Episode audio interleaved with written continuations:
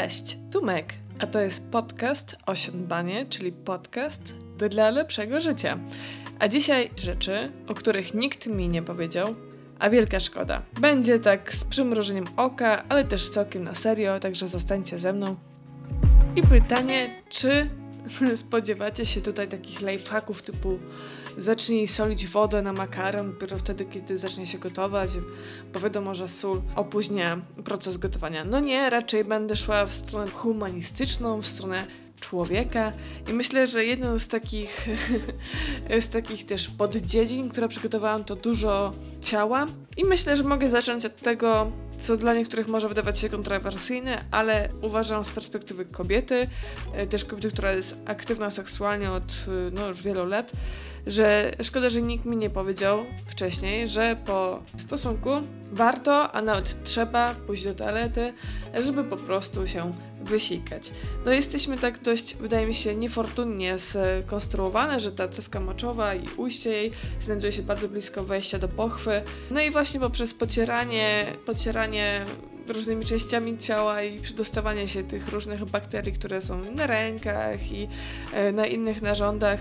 Bardzo łatwo je wprowadzić w e, okolice właśnie cewki moczowej i, jak się po tym seksie nie pójdzie wysikać, to jest dość duża szansa, żeby później mieć ewentualne problemy z, właśnie z pęcherzem, tak zwane przeziębienie pęcherza, tak w języku potocznym. Myślę, że lekarze i lekarki nazywają to bardziej zapaleniem pęcherza, coś co leczy się na różne sposoby mniej i bardziej domowe.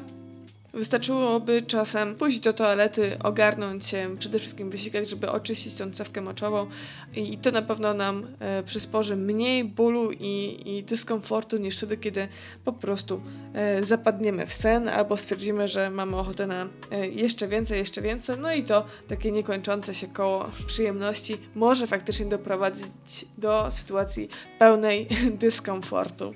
Także sikajmy po seksie, tutaj bardziej to jest prośba do, do kobiet. Innym lifehackiem, który jest dość mocno powiązany z tym, co powiedziałam przed chwilą, jest to, żeby faktycznie pić wodę. Ja wiem, że na pewno słyszycie to wszędzie, pij wodę, pij wodę, pij wodę i to jest taki frazes, robi się wytarty i ja przez długi czas też tak uważałam, dopóki się nie okazało, że dorobiłam się wspaniałych, małych kamieni nerkowych tylko dlatego, że zbyt mało wody piję. To naprawdę są naczynia połączone, ta woda jest niezbędna do funkcjonowania naszego organizmu i to jest tak naprawdę takie no bazowe paliwo, pomijając jedzenie, które dostarcza nam też innych e, mikro i makroelementów.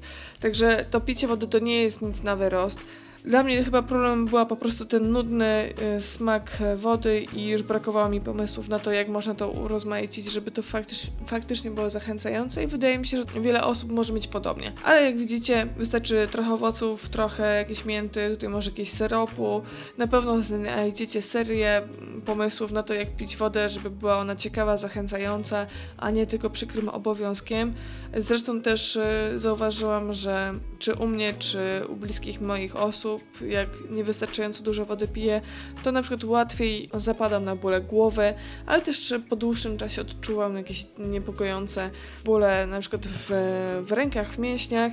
No i właśnie dowiedziałam się, że to też wynika z tego odwodnionego organizmu, który jak tylko może stara się zgromadzić chociaż kropelkę wody. Dla swojego dobrostanu po prostu pijcie tę wodę. Jeśli macie z nią problemy, tak jak ja miałam, po prostu musicie poeksperymentować i znaleźć coś dla siebie. Także po co e, leczyć, jak można profilaktycznie pić wodę. Z tym Wam zostawiam na ten moment, ale to nie koniec wycieczek po ludzkim ciele i lifehacków związanych właśnie z ludzkim ciałem. Niedaleko ten temat padnie od tego, co powiedziałam przed chwilą. Chciałabym Was zaszczepić taki pomysł, by traktować wizytę u lekarza nie jako taki element ostateczny, kiedy zaczęło coś boleć, ale właśnie jako profilaktykę. Profilaktykę, która jest wyrazem miłości do samego siebie. Czyli z czułością myślę o swoim ciele i o sobie i dlatego idę sprawdzić na przykład u ginekologa, czy w moich piersiach nie ma jakichś dziwnych guzków. Dlatego chodzę do dentysty, żeby sprawdzić, czy próchnica się nie pojawiła albo jakiś stan zapalny, bo po prostu siebie kocham i chcę jak naj dłużej w zdrowiu trwać. Mówię o tym, ponieważ brakuje mi takich postaw w naszym społeczeństwie i nie wiem, czy tylko w polskim tak jest, czy generalnie jest takie mm, przeświadczenie, że jak boli, to dopiero wtedy można iść do lekarza. No nie. E, uważam, że jest o wiele zdrowiej i lepiej dla nas, kiedy traktujemy to jako wyraz miłości, właśnie profilaktykę. Tutaj też chciałabym chwilę przystanąć przy takim zagadnieniu. Kobiety albo dziewczyny zaczynają nie mówię, że wszystkie oczywiście, ale że zaczynają myśleć o tym, że na przykład moja płodność albo seksualność jest w jakimś stopniu zagrożona i dopiero wtedy pójdę do lekarza. Na przykład właśnie ginekologa. E, mam takie historie z pierwszej i drugiej ręki, kiedy na właśnie dziewczyny na przykład lat 19 dopiero trafiają do ginekologa, ponieważ zaczęły współżyć i okazuje się, że coś nie bangla, coś, e, coś nie działa tak, jak powinno działać. A na przykład nie ma tej wizyty wcześniej, kiedy na przykład ona zaczyna miesiączkować. Albo przychodzą mi do głowy te myśli o rozmowach, które odbyłam z różnymi kobietami, ale też sama miałam takie z ginekologami, którzy po prostu popędzali mnie w założeniu takiej rodziny w, tradycyjnym, w tradycyjnym znaczeniu, czyli urodzeniu dzieci, bo to już nie wypada tak marnować tych y, jajeczek, bo to już najwyższa pora, bo na co pani w sumie czeka. Jakby jedyną moją rolą jako kobiety było po, po prostu rodzenie dzieci. E, wydaje mi się właśnie, że tutaj wybrzmiewa mocno taka narracja, że jak seksualność albo płodność kobiety jest zagrożona, to, to dopiero wtedy jest przyczynek do działania czy tej interwencji lekarskiej. Nie, absolutnie nie. Nie trzeba być, czuć się zagrożoną, jeśli chodzi o rodzenie potencjalnych dzieci, żeby iść do lekarza. Wręcz, wręcz przeciwnie. Jako wyraz miłości idziemy, sprawdzamy, co tam jest. Będąc jeszcze w temacie ciała, które oczywiście zawsze jest dla mnie niezwykle fascynujące, to moje takie odkrycie, o którym żałuję, że dopiero musiałam no po prostu ileś tam lat przeczekać, żeby do mnie dotarło, to, że sport czy jakakolwiek aktywność fizyczna nie musi wiązać się tylko i wyłącznie z taką motywacją do utraty kilogramów. Mam wrażenie, że na przykład w szkole, gdzie chodziłam na WF-y, w różnych szkołach zresztą, nie tylko w jednej, było takie przeświadczenie, że no musisz uprawiać sport, żeby a oczywiście mieć odpowiednią ocenę na świadectwie, ale b po to, żeby no, utrzymać figurę, być w dobrej formie. Tutaj trochę pojawia się taki wątek zdrowotny, ale nie pojawiło się ani razu takiej narracji, że sport po prostu może dawać przyjemność, radość, dumę z siebie, motywację do osiągania jakichś takich sukcesów, być może w sportach zawodowych. Ja też przyznaję, nie, nie kontynuowałam swojej jakiejś kariery sportowej poza e, godzinami lekcyjnymi. Czasem grywałam tylko statą siatkówkę albo grywałam przez chwilę, nawet w liceum, e, w takim kółku siatkarskim, nawet w futsalu byłam przez chwilę. E, żeńskim futsalu to była też fajna taka drużyna. Tylko takie dwa moje epizody, jeśli chodzi o sport inny niż na WF-ie. Taki za, powiedziałabym, dzieciaka bo pomijam już te fragmenty moje, mojego życiorysu, kiedy faktycznie już płaciłam za ten sport, czyli nie wiem, chodziłam na siłownię, na zajęcia z ketli albo właśnie z trampoliny, co miło wspominam przez to, że mogłam się spotkać z fajnymi właśnie osobami i wspólnie tam po prostu pompować te endorfiny. Tego mi właśnie brakowało, tej narracji, że sport nie jest od, tylko odchudnięcia, ale też oddawania radości, frajdy, odbudowania fajnych relacji i życzyłabym sobie y, jako takiej młodszej wersji siebie właśnie usłyszeć to i zrozumieć to wystarczająco wcześnie. Być może wtedy moja relacja z ciałem i z aktywnością czy ruchem byłaby taka swobodniejsza i bardziej przystępna niż taka obudowana przekonaniami, że jak nie chudnę w trakcie ćwiczenia, to, to jestem beznadziejna i sport jest beznadziejny i w sumie to nawet nie ma po co zaczynać, bo, bo i tak nie widzę efektów. A jak jesteśmy przy sporcie, to wychodzi tutaj kolejny taki, taki lifehack, który, no też do, do którego musiałam dojrzeć, przeczekać wiele różnych sytuacji. Dobry bistonosz to jest czyste złoto. To jest komfort, za który warto zapłacić i na który warto odkładać pieniądze, bo dobrze dobrany biustonosz zmienia w ogóle perspektywę. Perspektywę na to, że po prostu nic nas nie boli, a dzięki temu coś nam się chce, czujemy się ze sobą lepiej, wyglądamy też lepiej, bo cała sylwetka zupełnie inaczej się układa, kiedy nosisz dobrze dopasowany biustonosz. I to mówię ja jako osoba, która dopiero na studiach, późnych studiach, w ogóle zresztą imprezie, dowiedziała się, że, że nie nosi właściwego biustonosza, bo ja byłam przeświadczona, że noszę miseczkę B, a koleżanka stwierdziła, nie, stara, ty to masz tutaj takie D i nawet nie wiem, czy nie przypadkiem DD.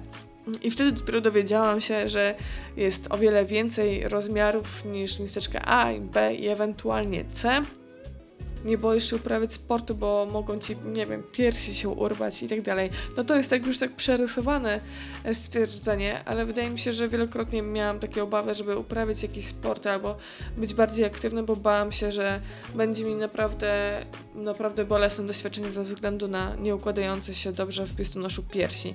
Dlatego zachęcam, żeby kupować sobie dobrze dobrane biustonosze, do, dołożyć więcej, e, pójść do brafiterki, podpytać koleżanki, gdzie one kupują i nie kierować się tylko i wyłącznie tym rozwiązaniami, które sugerują i sprzedają nam same sieciówki. Idziesz do sieciówki i tam masz całą ścianę biustonoszy i kończą się one na rozmiarze maksymalnie C to wyobraźcie sobie, że tam istnieje jeszcze generalnie na rynku wielka, wielka część rynku bieliźniarskiego, która po prostu odpowiada na wszystkie rozmiary. Znajdźcie swój rozmiar, pielęgnujcie e, te swoje piersi w dobranych biustonoszach naprawdę nie będziecie żałować. Kolejnym lifehackiem postaram się przejść dość płynnie, zobaczymy jak pójdzie, do tematu asertywności, ale wydaje mi się, że tę kwestię asertywności chciałabym trochę zacząć w temacie ciała jeszcze, a mówię tutaj konkretnie o okresie. Miałam taką sytuację wielokrotnie w swoim życiu, kiedy prosiłam partnera o zakup podpasek i tamponów i patrzyłam, jak reaguje na myśl o okresie. Samo słowo okres, czy tam menstruacja, czy miesiączka. Jeśli chłopak zaczynało się jakoś miotać, jakby go opętał szatan i coś bredzić o tym, że to jest obrzydliwe i że on jest obrzydzony i w ogóle, że nie, no to dla mnie to jest czerwona flaga że typ się nie nadaje do związku, na pewno nie związku z kobietą, który, dla której normalnym, naturalnym elementem życia jest okres, a później po tym jak okres odchodzi jest menopauza. Ten brak tego okresu to też jest taki ważny wątek w życiorysie kobiety.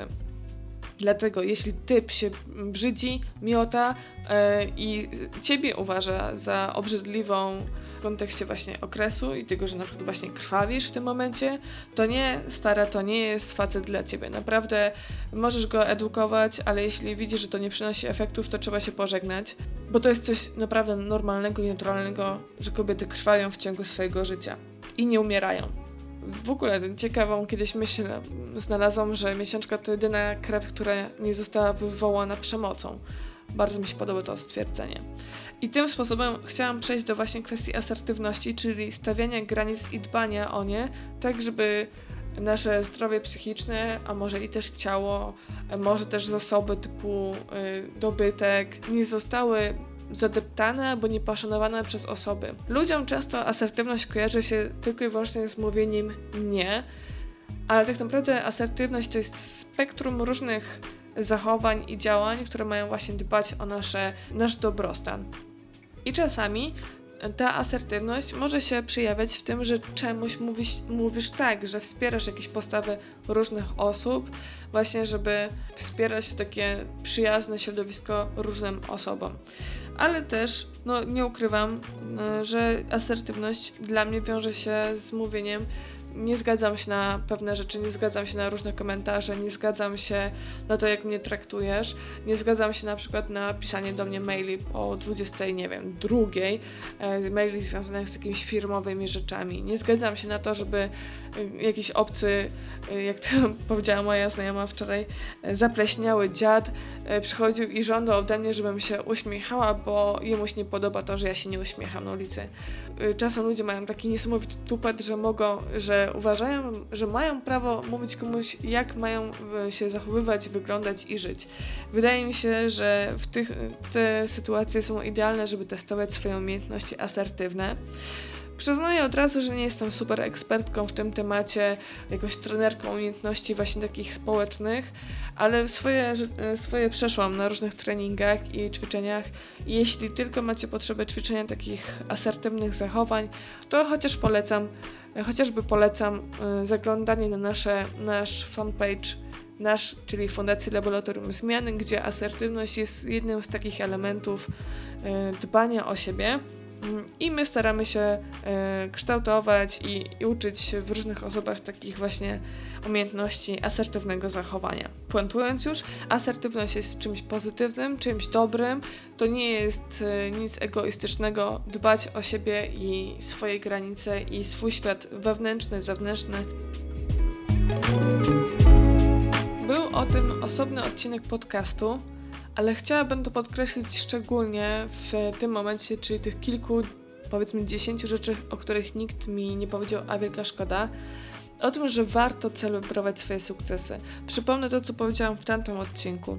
Sukcesy, e, ich celebracja jest niezwykle ważna dla naszego ośrodka motywacji, dla tego, byśmy wewnętrznie czuli radość z siebie, dumę z siebie, żebyśmy znajdowali taką chęć do sięgania po więcej i naprawdę nie ma błahego powodu do świętowania. I to też nie jest tak, że zawsze musicie świętować z wielką pompą, z konfetti i szampanem, chociaż tego Wam właśnie życzę, bo możecie też świętować swoje sukcesy, chociażby dzieląc się dobrą wieścią z bliskimi Wam osobami, z dzieleniem się tą wiadomością ze światem. Niech świat wie, że u Was dzieje się dobrze, że czujecie tą dumę z wykonania swojej pracy. I dawajcie wysyłać ten pozytywny pozytywny sygnał w świat, bo to też przynosi bardzo, bardzo pozytywne efekty. Celebrujcie swoje sukcesy i więcej się bawcie. Bawcie się życiem, bawcie się swoją pracą, bawcie się w swoim związku, bawcie się sami, sami i same ze sobą. Wielokrotnie słyszałam o tym, jak to zabawa jest nieproduktywna i nie przynosi niczego dobrego. Nie, to jest ogromny błąd właśnie. Nasz mózg uwielbia zabawę, świetnie dzięki temu pracuje, wymyśla nowe rzeczy, układa nam to wszystko, co się dzieje poza właśnie mózgiem, wszystko to, co się dzieje w serduchu, w ciele, e, w różnych organach. Im więcej zabawy, ten nasz mózg lepiej sobie radzi z rzeczywistością. Dlatego zachęcam Was, żeby faktycznie dodać tej nuty zabawy do swojego życia, jeśli Wam tego brakuje. Dla mnie to też jest taki jeden z tematów, który przerabiam na swojej terapii, o której zresztą powiem w następnym odcinku podcastu. Kolejna rzecz, o której mi nie powiedziano, a wielka szkoda, to to, że mam prawo być zła na coś albo na kogoś, że mam prawo się wściekać, mam prawo odczuwać tę złość i ją uzewnętrzniać. Nie odkryję tutaj Ameryki, kiedy powiem, że kobiety mają taką tendencję, bo zresztą są tak wychowywane przez społeczeństwo, żeby nie sprawiać problemu, żeby być miłe, koleżeńskie, uczynne, żeby nawet, tutaj już przerysuję, przepraszać świat za to, że żyją i zajmują, e, jakąś powierzchnię albo zużywają tlen. Są takie środowiska, które tak uważają, skrajnie, ale istnieją i wydaje mi się, że Polska bardzo mocno się e, momentami radykalizuje, jeśli chodzi o rolę i funkcję kobiety w społeczeństwie i w rodzinie. Dlatego chciałabym tutaj to głośno, głośno powiedzieć, że my jako kobiety, jako dziewczyny mamy prawo być wkurwione, odczuwać e, żal do kogoś, a mimo wszystko tę na przykład osobę kochać. Ta złość, która nie jest e, wysyłana w świat w jakiś sposób, na przykład, że nie wiem, nie zaczniemy krzyczeć, bo nie potrafimy w ogóle krzyknąć. To wszystko jakoś w środku się kumuluje i bywa bardzo mocno destrukcyjne dla psychiki kobiety. I tutaj mówię o tym, że to w kontekście samych kobiet, ale do, że wiemy, że taka złość która jest nieujawniona, tłamszona w środku, no koniec końców udziela się wszystkim jako różne choroby lub zaburzenia. No i to dotyczy nie tylko kobiet i mężczyzn, ale po prostu wszystkich. Zachęcam do tego, żeby dać sobie przestrzeń na to, żeby odczuwać złość, żeby odczuwać y, całe spektrum emocji, bo jak ostatnio się dowiedziałam od jednej bardzo mądrej osoby, jeśli nie pozwalamy sobie na odczuwanie tych trudnych emocji, właśnie związanych z żalem, smutkiem, z, ze złością, to tak naprawdę nie pozwalamy sobie odczuwać wszystkich emocji, bo e, emocje są jak tęcza i każda z tych barw tej tęczy są potrzebne do tego, żeby zdrowo funkcjonować. Dlatego róbmy w swoim życiu przestrzeń na wszystkie te emocje i uczucia.